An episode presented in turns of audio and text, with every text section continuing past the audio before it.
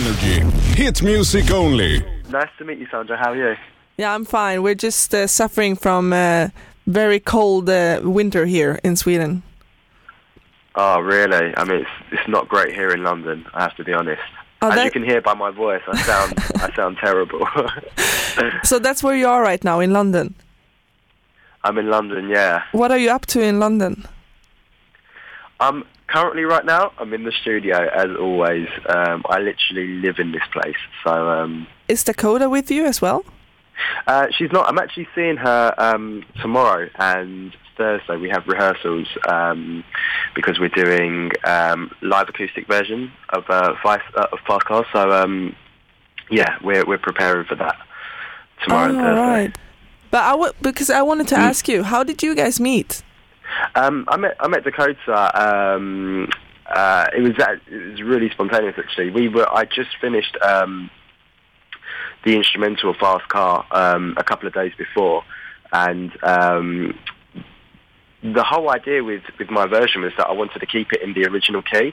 Um, to how Tracy's version was, Yeah. um, which is really hard for a female singer to do. Um, and um, I said to my manager, it's crucial that we find someone who can sing it in that key.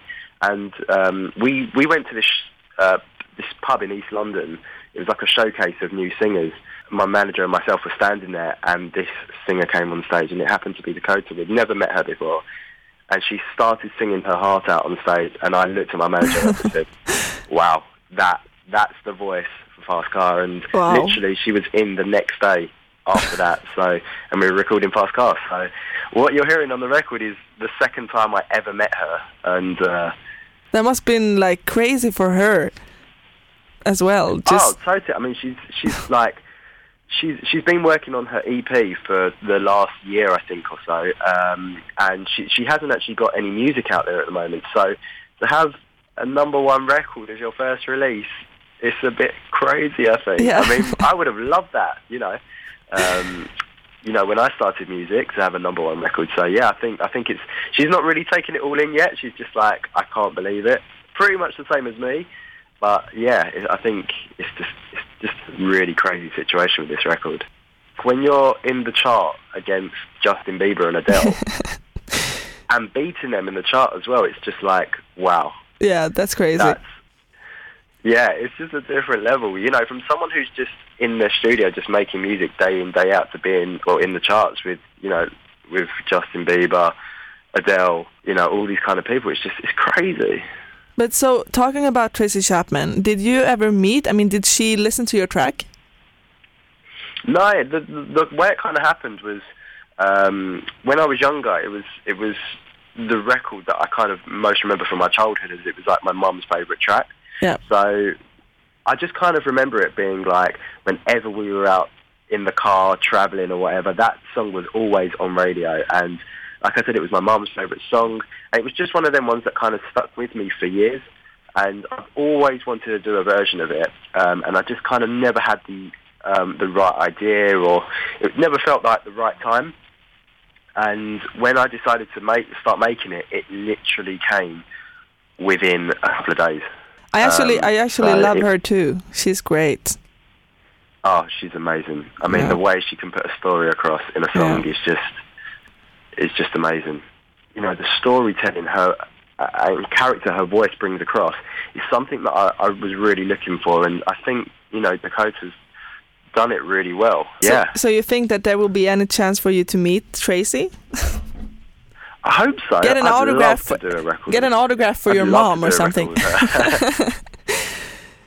But so, do you have any future collaborations coming up with other artists, or maybe even Dakota? Uh, there's definitely more stuff with Dakota, Mm-hmm. um, but um, I can't really say just yet who, who the collaborations are with. But there are definitely some collaborations coming up. oh, Um, nice one. Some big ones. So um, yeah, I will definitely keep you up to date with who it is. But I've been told to keep it under wraps just for now. So, so Justin Bieber, he called you once he saw that you were on the charts with him, and he said, "Let's do something yeah, together." he, That- called, he called my he called my phone last week and was like, "I can't believe you've taken my chart position." Did he? no. no. But I wish he would, did. I wish he did, but no. Yeah, I would love to talk to him as well. I have a little crush. I think I've become a believer since I started at Energy. But now, I'm definitely a believer. I mean, this is just like the start of something very big. And what do you think will be the biggest challenge, like in general in your life right now, when it just, you know, everything changed? What would be the biggest challenge in your life, you think? Um, I think um, what would be the biggest challenge? Um, I think life on the road. Um, that, that's going to be the biggest challenge. I think going from hotel to hotel, country to country. I think that's going to be a big thing for me because, like I said, I am literally day in, day out, literally in the studio working on music, and I'm kind of like, I'm I'm in like this one room just working away. So I think moving, I mean, it's going to be the most amazing experience, but it's quite daunting at the same time knowing that you're going to be all around the world touring um, for quite some time. So I think for me that would probably be the biggest challenge, but yeah, I'm just going to take everything as it comes and, and just enjoy it, I'd say, yeah. Cool. Will you come to Sweden? I would love to come to Sweden. Oh, we would Um, love to have honestly, you the- here. Oh, and literally the feedback I'm getting from from people over there is just amazing. I mean, you guys are so supportive of the record, and um, it's just amazing, really. So, yeah, I'd love to come to Sweden. I'd love to play out there, and and yeah, meet all you guys. Oh, thank you so much for talking to me, and I wish you all the best with your track. It's gonna be, and I can't wait to hear your collaboration with Justin Bieber and more to come with Dakota. So, and hope to see you soon. Uh, thank you so much for your support. Like I said, I really appreciate it, and I love you guys so much. Have a really nice day. Okay, You too. Take care. take care. Bye. Bye.